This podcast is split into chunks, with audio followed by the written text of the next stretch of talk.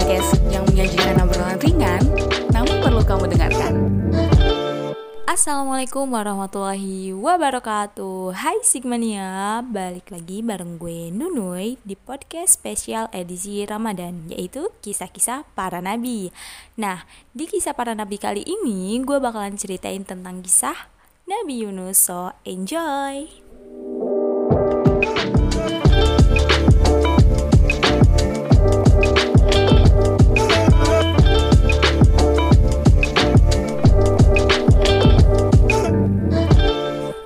Sebagai manusia, kita dilengkapi Allah dengan karsa atau kemampuan untuk berkehendak. Namun, sering kali nafsu lebih besar daripada logika, sehingga kita tidak berpikir matang sebelum bertindak. Akhirnya, penyesalan pun datang.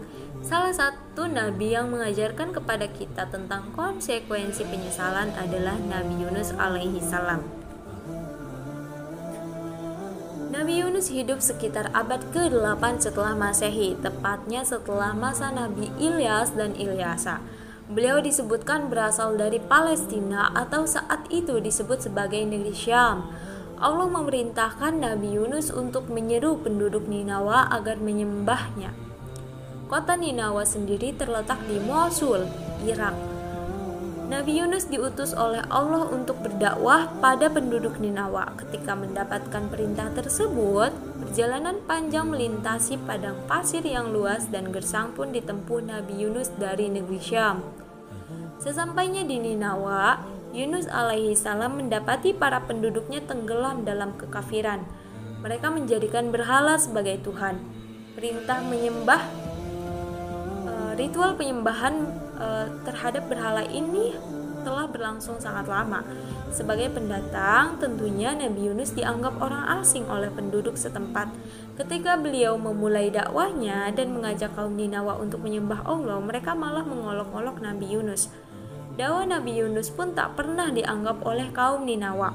Bahkan, mereka merasa Nabi Yunus telah melakukan penghinaan terhadap berhala dan agama nenek moyang mereka. Mendapati respon kaum Ninawa yang seperti itu, Nabi Yunus tentunya tetap bersabar.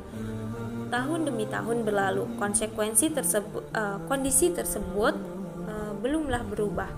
Hingga sampai 33 tahun Nabi Yunus berdakwah, hanya ada dua orang penduduk Ninawa saja yang mendengarkan beliau. Nama mereka adalah Tanuh dan Rubil. Sampai pada suatu hari, habis sudah kesabaran Nabi Yunus menghadapi kaum Ninawa yang keras kepala itu. Beliau pun berniat meninggalkan kaumnya. Namun, sebelum pergi, Nabi Yunus menyampaikan kepada penduduk Ninawa bahwa azab Allah akan datang. Kemudian pergilah Nabi Yunus dalam keadaan sedih, kecewa, dan tentunya marah. Beranjak dari Ninawa, beliau Nabi Yunus menuju dermaga dan menumpang pada sebuah kapal. Cuaca cerah saat kapal sedang bersandar sehingga sang nahkoda mengizinkan Nabi Yunus untuk ikut naik. Meskipun nahkoda ini tahu kapal kapalnya sudah kelebihan muatan. Sampai di tengah laut, cuaca tiba-tiba memburuk. Awan hitam menggulung-gulung. Angin kencang dan gelombang besar tiba-tiba memerangkap kapal. Badai besar itu membuat kapal tidak stabil. Nabi Yunus pun mengajak nahkoda dan seluruh penumpang kapal untuk berzikir kepada Allah. Sang nahkoda kemudian memerintahkan kepada seluruh penumpang untuk membuang barang bawaan mereka ke laut. Harapannya, dengan beban yang berkurang, kapal akan bisa kembali stabil. Ternyata tidak demikian kenyataannya. Akhirnya sang nahkoda harus mengambil keputusan pahit, yaitu mengurangi jumlah penumpang kapal. Agar adil, penentuan penentuan siapa penumpang yang harus keluar dari kapal pun dilakukan dengan undian. Sang nahkoda meminta seluruh penumpang menuliskan nama mereka. Kemudian proses pengundian pun dimulai. Pada pengundian pertama, nama yang keluar adalah Yunus. Namun seluruh penumpang menolak hasil tersebut sehingga diulang untuk kedua kalinya. Pengundian kedua kali juga mengeluarkan nama yang sama yaitu Yunus. Meski mereka para penumpang lainnya masih keberatan, tetapi Nabi Yunus menerima hasil undian tersebut dengan ikhlas. Hal ini sesuai dengan firman Allah kepada surat As-Saffat ayat 141 yang artinya kemudian dia ikut diundi. Ternyata dia termasuk orang-orang yang kalah dalam undian. Beliau pun menceburkan dirinya ke laut setelah menyebut asma Allah. Dalam beberapa riwayat dikisahkan bahwa setelah Nabi, Yus, Nabi Yunus terjun ke laut, cuaca kembali cerah dan lautan kembali tenang. Di laut, Nabi Yunus diombang-ambing oleh gelombang. Kemudian Allah memerintahkan seekor ikan paus untuk mendekat dan menelan Nabi Yunus tanpa merobohkan tulang dan daging beliau. Di dalam perut ikan yang gelap, Nabi Yunus sempat mengira dirinya telah meninggal. Allah pun mewahyukan bahwa beliau ada di dalam perut ikan. Nabi Yunus pun menggerakkan kakinya dan bersujud. Tak lama kemudian, Nabi Yunus mendengar suara-suara tasbih dari para penghuni lautan. Hal ini mengilhamkan kepada beliau untuk menyadari kesalahannya. Nabi Yunus pun sadar bahwa keputusan meninggalkan e, kaum Ninawa dalam keadaan marah adalah hal yang tidak benar. Karena itu Allah menghukum beliau dengan memenjarakan di dalam perut ikan. Allah juga menegaskan kekecewaannya pada Nabi Yunus dalam surat Al-Anbiya ayat 87. Allah memerintahkan ikan paus memuntahkan Nabi Yunus sehingga beliau terdampar di daratan yang tandus. Tubuh Nabi Yunus pun dalam keadaan lemah dan sakit karena kekurangan nutrisi di dalam perut ikan. Untuk itu, Allah menyembuhkan beliau dengan menumbuhkan tanaman yaktinah, sejenis labu, dan meminta Nabi Yunus memakannya. Adapun mengenai beberapa lama waktu Nabi Yunus e, berada dalam perut ikan, ada beberapa pendapat e, di antara para ahli tafsir. Ada yang menyebutkan bahwa Yunus alaihissalam ditelan ikan paus pada waktu duha dan dimuntahkan kembali pada sore harinya. Ada pula yang berpendapat Nabi Yunus ditelan selama tiga hari. Bahkan ada pendapat yang menyebutkan bahwa beliau uh, di dalam perut ikan selama tujuh hari. Namun pendapat yang paling masyhur adalah selama 40 hari. Sepertinya Nabi Yunus dengan keaja dengan kekecewaan terhadap kaum Ninawa, Allah benar-benar mendatangkan azab beberapa hari kemudian. Seperti yang beliau janjikan, awan gelap menutupi langit bersama petir menggelegar. Angin kencang menyapu rumah, peternakan, dan ladang kaum Ninawa. Tak sampai di situ, gempa besar juga Allah timpahkan kepada mereka. Penduduk Ninawa pun sadar, peringatan yang disampaikan Nabi Yunus benar-benar terjadi. Karena itulah mereka bertaubat dan menyebut nama Allah dan memohon perlindungan. Kaum Ninawa juga mencari Nabi Yunus sayangnya saat itu beliau sudah pergi. Pertolongan yang dilakukan kaum Ninawa e, pertaubatan yang dilakukan kaum Ninawa ini serius dan jujur.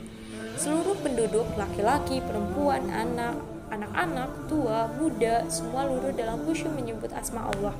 Melihat kejujuran perbuatan mereka, Allah pun menerima dan menghentikan azabnya.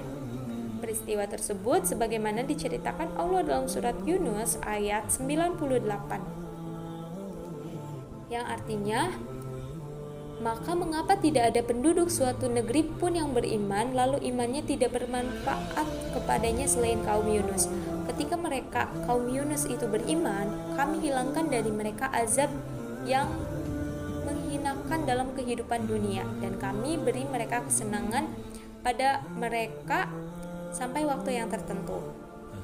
Allah menuntun Nabi Yunus untuk kembali kepada kaum Ninawa. Kaum yang telah bertaubat itu menyambut Yunus alaihissalam dengan sukacita. Allah pun memberikan keberkahan dan kenikmatan hidup pada mereka hingga waktu tertentu seperti yang disebutkan dalam surah Yunus ayat serat, uh, ayat 98. Berdasarkan kisah yang diceritakan turun-temurun, ikan yang menelan Nabi Yunus alaihissalam memiliki wujud yang begitu besar hingga dapat menelan apa pun. Ikan yang menelan Nabi Yunus dinamai ikan nun. Walaupun ikan ini belum terdefinisikan dengan jelas, namun penggambaran ikan ini dimiripkan dengan ikan paus secara logis memang tidak ada ikan lain yang memiliki ukuran lebih besar dari ikan paus ini. Nah, guys, dari kisah Nabi Yunus ini tentunya ada pelajaran yang bisa kita ambil. Pertama, sabar dalam menyuruh kepada kebaikan. Kepergian Nabi Yunus dari kaum Ninawa memperlihatkan bahwa beliau kurang sabar dalam berdakwah atau menyuruh kepada kebaikan. Perilaku seperti ini ternyata tidak disukai Allah. Nah, kemudian yang kedua, memperbanyak zikir kepada Allah. Berzikir atau mengingat Allah adalah upaya kita untuk senantiasa dekat dengan Allah. Kemudian yang ketiga adalah berserah diri dan memohon uh, ampunan kepada Allah. Pada kisah Nabi Yunus di atas, kita dapat melihat bahwa ketika beliau menyadari kesalahannya, kemudian memohon ampunan dan berserah diri kepada Allah, dia memberikan pertolongan. Allah telah mengilhamkan kepada Nabi Yunus untuk menyampaikan doa yang sangat luar biasa yaitu La ilaha illa anta subhanaka inni kuntu zalimin yang artinya tidak ada Tuhan selain Engkau, Maha Suci Engkau, dan sesungguhnya aku termasuk orang-orang yang zalim. Pada doa tersebut, Allah menuntun lisan Nabi Yunus untuk menyebutkan kalimat tauhid terlebih dahulu. Kemudian dia mengilhamkan Nabi Yunus untuk melanjutkannya dengan tasbih. Hal tersebut guna menunjukkan betapa sempurnanya Allah dan betapa sucinya dia dari segala kelemahan dan kekurangan. Setelah itu, Nabi Yunus melanjutkannya dengan pengakuan dosa dan Eh, dosa-dosa uh, yang telah diperbuatnya. Rasulullah bersabda uh, seperti yang diriwayatkan oleh Sa'ad bin Abi Waqqas menyoal doa tersebut yang artinya doa yang tidak ada seorang hamba muslim pun mengucapkan sedang sedangkan ia berada dalam bencana kemudian yang terakhir nih guys, tidak mengambil keputusan saat sedang emosi. Ini penting banget loh uh, keputusan yang diambil Nabi Yunus dalam keadaan marah untuk meninggalkan kaum Ninawa ternyata berbuah hukuman bagi beliau dari Allah yaitu di penjara di dalam perut ikan. Hal ini menjadi pelajaran bagi kita untuk menahan diri, tidak mengambil keputusan apa pun saat marah atau emosi. Oke okay guys, demikianlah kisah Nabi Yunus dan pelajaran apa saja yang dapat kita petik darinya. Semoga kita dapat meneladani Nabi Yunus sehingga dapat masuk dalam golongan hamba Allah yang soleh dan disayanginya. Amin. Oke, jangan lupa follow akun-akun Sigma yang lainnya agar uh, kalian gak ketinggalan dalam berita dan podcast-podcast lainnya. So, jangan ke mana-mana, tetap di Sigma Podcast. Bye bye, see you.